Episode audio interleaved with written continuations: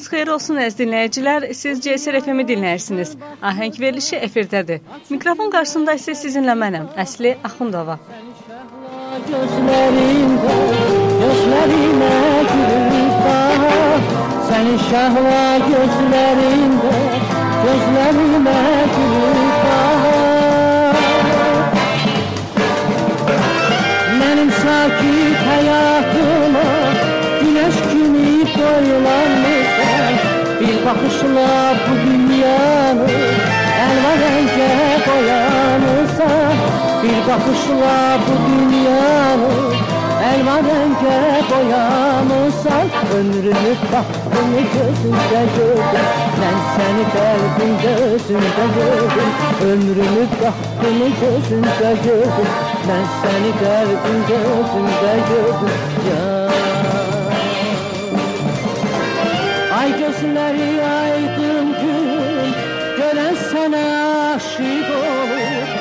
Senin bircə təbəssümün bir dünyalı düşdük olur. Senin bircə təbəssümün bir dünyalı düşdük olur. Ömrümü baxdımı gözündə gördüm.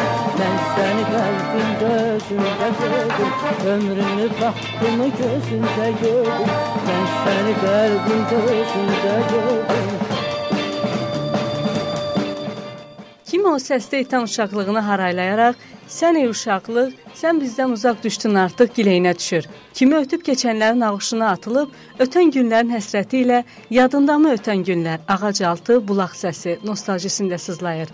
Bir başqası da vəfasız sevgilisinin yandırıb yaxan eşq ağrısına qaytar eşqimi deyib israrla, ver mənim eşqimi, o sənə heç gərək deyil.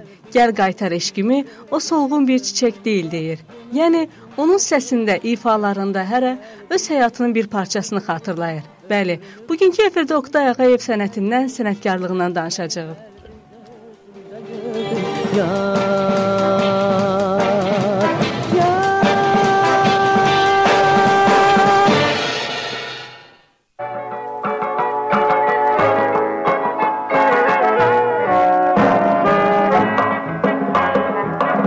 gedək baş çəkək qız qalasına İçəri şəhərin mərd balasına.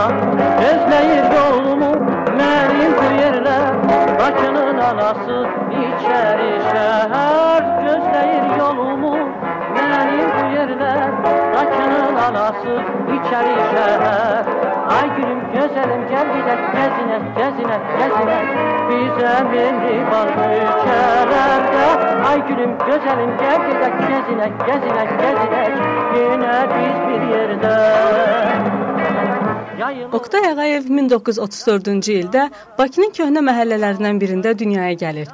Şəhərin nüfuzlu ailəsinin nümayəndələrindən olan babası ötən əsrin əvvəllərində Ədalət Partiyasının sədri, dövrünün aktiv ictimai siyasi xadimi idi. Elə buna görə də Sovetlər hakimiyyəti dövründə mərhum 1937-ci ilin repressiya dalğasında o da xalq düşməni kimi damğalanaraq sürgün həyatı yaşayıb. Təbii ki, bu fakt ömrü boyu xalq düşmənini, böyük bir keçmişi olan Ağayevlər ailəsini də caynağına alır. Sürgün həyatını Rusiyanın uzaq Komi diyarında yaşayan ailə sonsuz məşəqqətlərə məruz qalır. Bütün var-yoxları, evləri əllərindən çıxan ailə sürgündən döndükdən sonra içəri şəhərdə babalarına məxsus kiçik evdə məskunlaşır.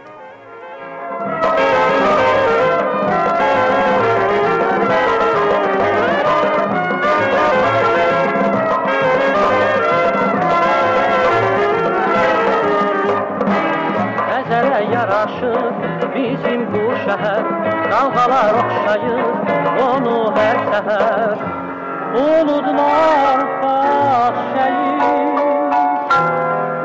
üstünden geçip Başının arası içeri şehir. Bulutlar baş üstünden keçip Başının anası içeri şehir. Ay gülüm Beləcə, böyük şəhərin kiçik, içəri şəhərində böyüyən Oqtay daş döşəməli dolambac küçələr, dar məhəllələr və bu bütün bunların fonunda ruhunda bir musiqi, uşaqlıqdan ruhunu əsir alan çox uzaqlardan gələn melodiyanı duyaraq o səsin arxasınca getməyə qərar verir. Alaqaranlıq dolambaclarını özünə səhnə seçən Oqtay hey ənginliklərə boylanaraq zümzümə edər, səsinə ahəng qatan Bakı küləyinə qoşularaq ilhamlanardı. Ve sustu dudaklarda. Yine geldi tüfekler. Benim atam uzaklarda. Cephelerde bir asker Cephelerde bir asker Anamızın laylaları. Nənnilerde pozuldu Arzuladık ilk baharı. İsteğimiz yaz oldu. İsteğimiz yaz oldu. Sen ey Sen bizden uzak düştün artık. Geçen yerler apardı Ya soygu eller apardı. Sen ey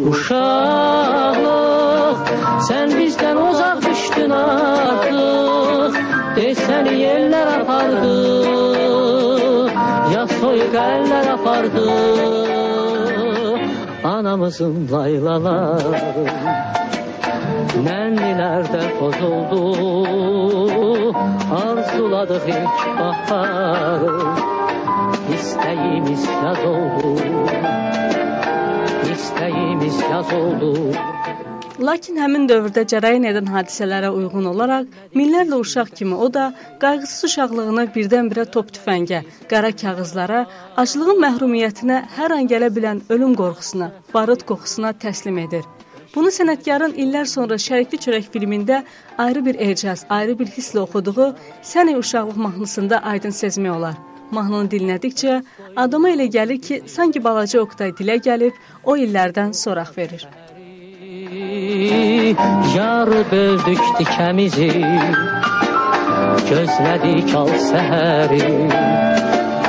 Gözlədik al səhəri Səni uşaqlıq Sən bizdən uzaq düşdün artıq Desən yerlər apardı Ya soyuq əllər apardı. Səni uşaqlıq Sən bizdən uzaq düşdün artıq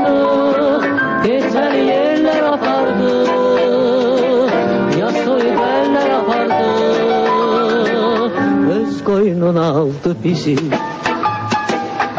Bu buruqlar şəhəri Yar dözdük təmizi Gözlədik al səhəri Gözlədik al səhəri Gözlədik al səhəri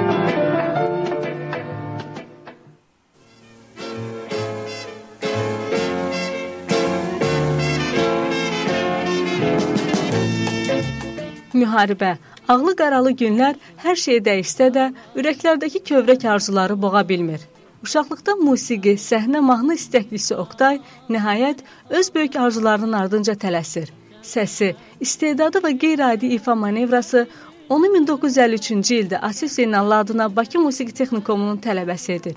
Geniş səs diapazonu və qeyri-adi ifa tərzi müəllimi Sofiya Xalfenin diqqətini çəkir və o, Oqtaya vokal sənətinin bütün sirlərini öyrədir. Yaşı 80-ə haqlayan qocaman müəllim özü də müğənni olduğundan Oqtay ifaçılıqla yanaşı səhnə mədəniyyətini də aşılayır. Onun mükəmməl vokalçı kimi yetişməsi üçün böyük zəhmət çəkir. Tələbəsinin səsinin ahənginə uyğun romanslar, serenadalar axtarıb tapır. Onu ifa tərzini sevə-sevə öyrədir. Beləcə gənc Oqtay böyük sənət və əsrarəngiz səhnələr üçün yarandığını və yetişdiyini hiss edərək sənətə atılır. Gəl sevgilim gəl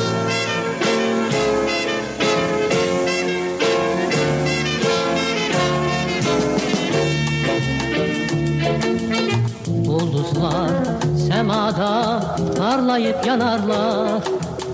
Durnalar, durnalar göllere konarlar. Eşkin bir turnadır o kalmak isteyir, isteyir Eşkin bir ulduzdur, ulduzdur o yanmak isteyir, isteyir Sevgili Gel seyredek bağı çəməni seyredək yar Gül çiçəyə bürüyüm səni, gəl gedək yar Səndən özgə kimsəm yoxdur, gəl. Durna kimi var vaxtı gəl. Gəl eşkimin əsəl bəxti gəl. Gəl sevgilim gəl. Səndən özgə kimsəm yoxdur, gəl.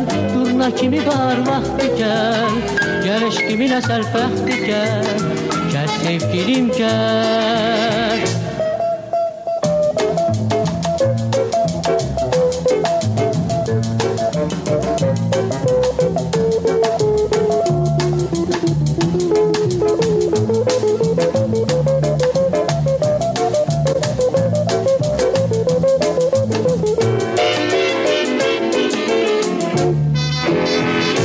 seyredək bağı çəməni seyr edək yar Gül çiçəyə bürüyüm səni Gəl gedək yar Səndən özgə kimsəm yoxdur gəl.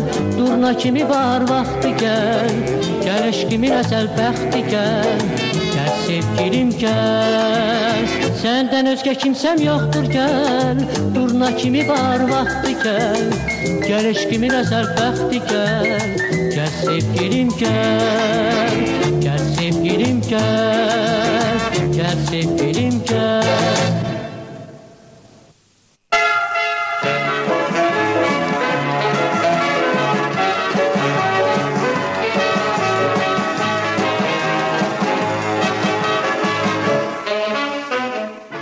Oktay Ağayev hərbi xidmətini başa vurub qayıtdıqdan sonra da musiqi təhsilini təkmilləşdirmək barədə düşünür və Bülbülün Sənət Məktəbinin davamçısı olan Firudun Mehdiyevin sinifində təhsilini davam etdirir. Paralel olaraq konsertlərdə də çıxışlar edən gənc ifaçı o zaman Azərbaycandakı iki böyük estrada orkestrinin hər ikisinin solisti olur. 1970-ci ilə qədər Rauf Hacıyevin, 1984-cü ilədək isə Tofiq Əhmədovun rəhbərliyi ilə televiziya və radio estrada orkestrində çalışır. Bu musiqi kollektivlərinin müşayiəti ilə mütəmadi olaraq televiziya ekranından, radio dalğalarından onun səsi eşidilməyə başlayır. Beləcə, bu gözəl səs sahibini minlərin, milyonların sevilməsinə çevirir. Ver mənim eşqimi, o sənə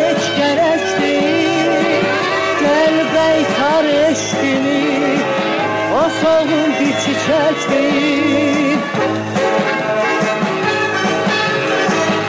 Uzanıp kaldı ellerim. Elimde soldu günlerim Ben sana kayıt gel demirem Kaytar o ayları illeri Gelmeni ucuz tutma sen. Gitmişsen hiç kayıtma sen. Kaytarırken günleri sen kaytar haydar ömrümü Vermenim eşkimi o sana hiç gerek değil Gel kaytar eşkimi o savrul bir çiçek değil Vermenim eşkimi o sana hiç gerek değil Gel kaytar eşkimi Masavur bir çiçek değil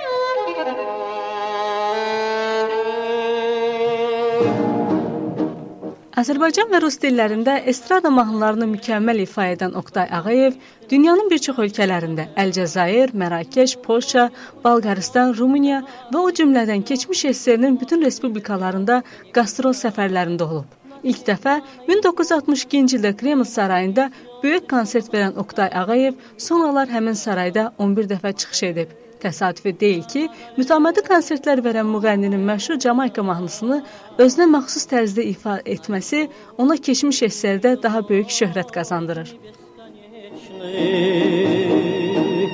Но сама скажи мне откровенно, Мадалена, Мадалена, Мадалена. Xasiyyətinə, insanlarla davranışına görə bütün Azərbaycan sənətçiləri ona hörmət və məhəbbətlə yanaşır. Müasirləri, sənət dostları ifaçılardan söhbət düşərkən Oqtay Ağayevin adını birincilər sırasında çəkirlər. SSR-də hələ televiziya olmadığı vaxtlarda Oqtay Ağayevin Ümumİttifaq radiosunda oxuduğu 4 dəqiqəlik Camayka mahnısının dinləyicilər tərəfindən 14 dəqiqəlik alqışla qarşılandığı faktını qeyd edirlər. Скажи хоть слово, может быть, я не вернусь уже назад. Мадалена, Мадалена, Мадалена, Знаю, море, любовь не бесконечны, Но сама скажи мне это откровенно, Мадалена, Мадалена, Мадалена.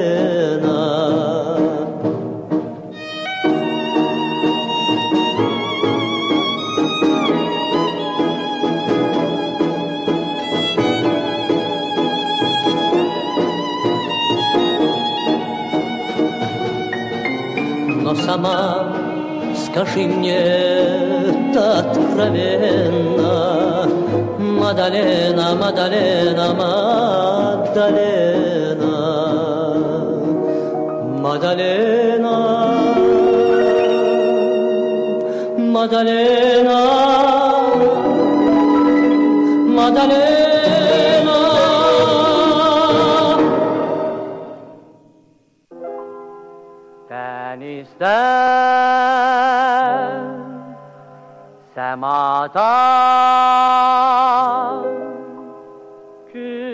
küləkdən soruşdum.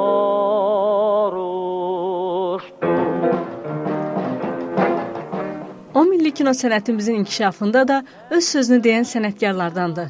Təsadüfi deyil ki, onun səsinin hopduğu əksər filmlər bizə daha doğma gəlir. Oktay Ağayev səsinin rövnəqləndirdiyi O Qızı Tapın filmindəki Kimsən sən, Abşeron ritimləri filmində oxuduğu Qayalar mahnıları, Dağlarda döyüş filmindəki mahnının mükəmməl ifası bizim üçün həmişə əziz və sevimlidir.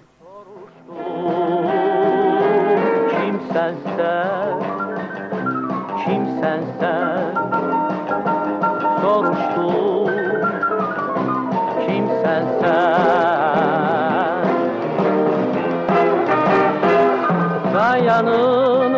konmaz yerinden. Dünyanın açılmaz birinden Üç heden ötenin birinden. Soruştum bu akşam soruştum Kimsen sen, kimsen sen soruştum sen sen. Yerini takmışam izinden Kalbini görmüşem gözünden. Adını öğrendim özünden. Besniye soruştum hamıdan kimsen sen Kimsen sen Soruştum Kimsen sen Ben ister Semadan Soruştum Kimsen sen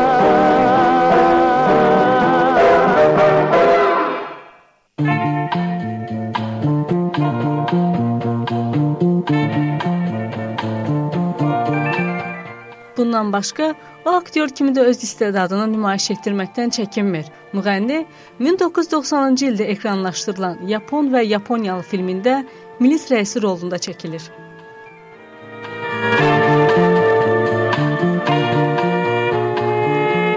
Qağayı yaşayır Qayalar üstündə Ömrünü daşıyan kanatlar üstünde. Üfükler geniştir Kakayı kanat aç. Üfükler geniştir Kakayı kanat aç. Kakayı geylere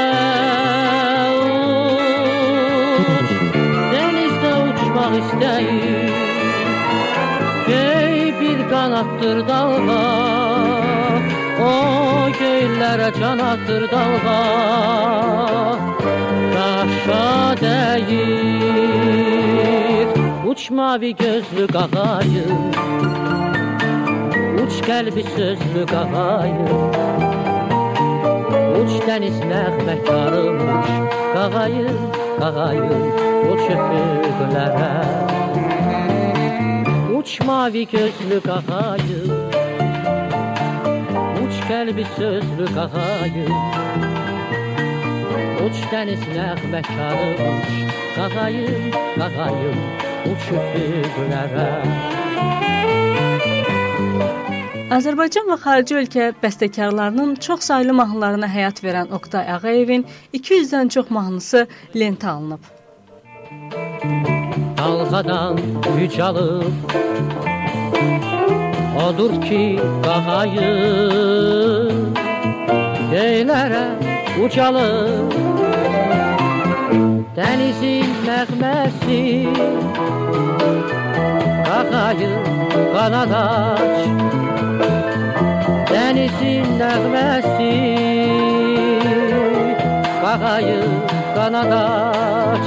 Qağayı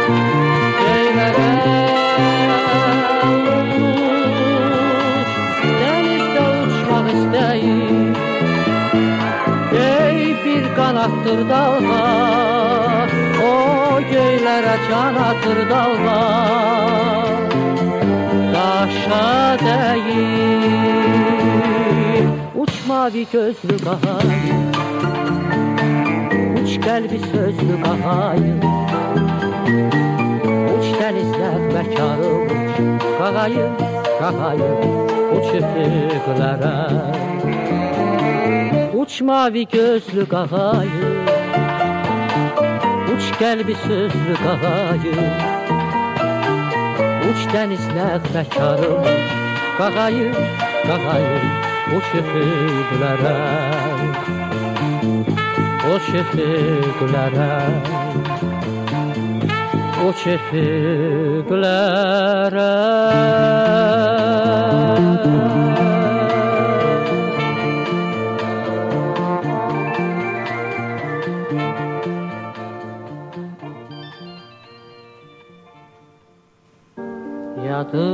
Yadında mı öten günler Ağaç altı bulak sesi. Günler keçir bize kalır. O günleri hatiresi Kələsizim keçərləri Yada salaq dönə dönə Ötən günə gün çatarmı Calasanda günü günə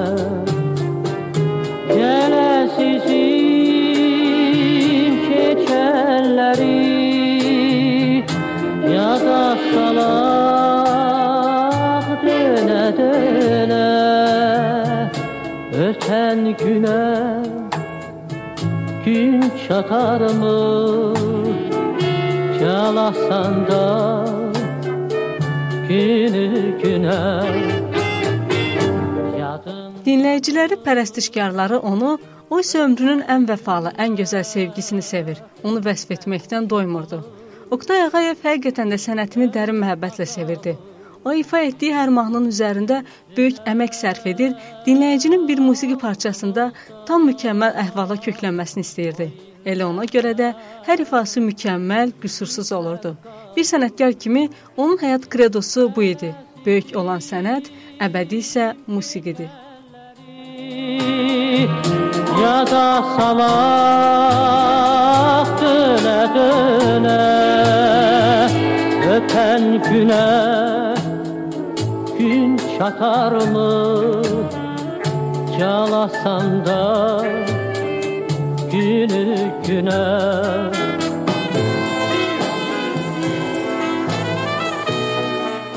Müğənni ömrünün ahıl yaşında da yorulmaq bilmədən çalışır, yeni audio diskini hazırlayırdı. Tez-tez xəstələnsə də, müalicə olunduqdan sonra yenidən sənət qayğılarına önəm verəcəyini düşünürdü. Fəqət amansız ölüm böyük sənətkarın planlarını yarımçıq qoydu. Ürək-damar xəstəliyindən əziyyət çəkən xalq artisti Oqtay Ağayev 2006-cı il noyabrın 14-də həyatla vidalaşdı. Həmin gün o dəfələrlə tamaşaçıları qarşısında çıxıb gülçiçək dəstələrinə qərq olunduğu Rəşid Behbudov adına Dövlət Mahnı Teatrı səhnəsində öz pərəstişkarları ilə son dəfə görüşdü və Həyat adlı şirin nağılın özü üçün olan hissəsinin son nöqtəsini qoydu. Diləklərdə, ürəklərdə yaşarıq biz Gəl əzizim keçəlləri Yada salaq dönə dönə Ötən günə gün çatarmı Calasanda günü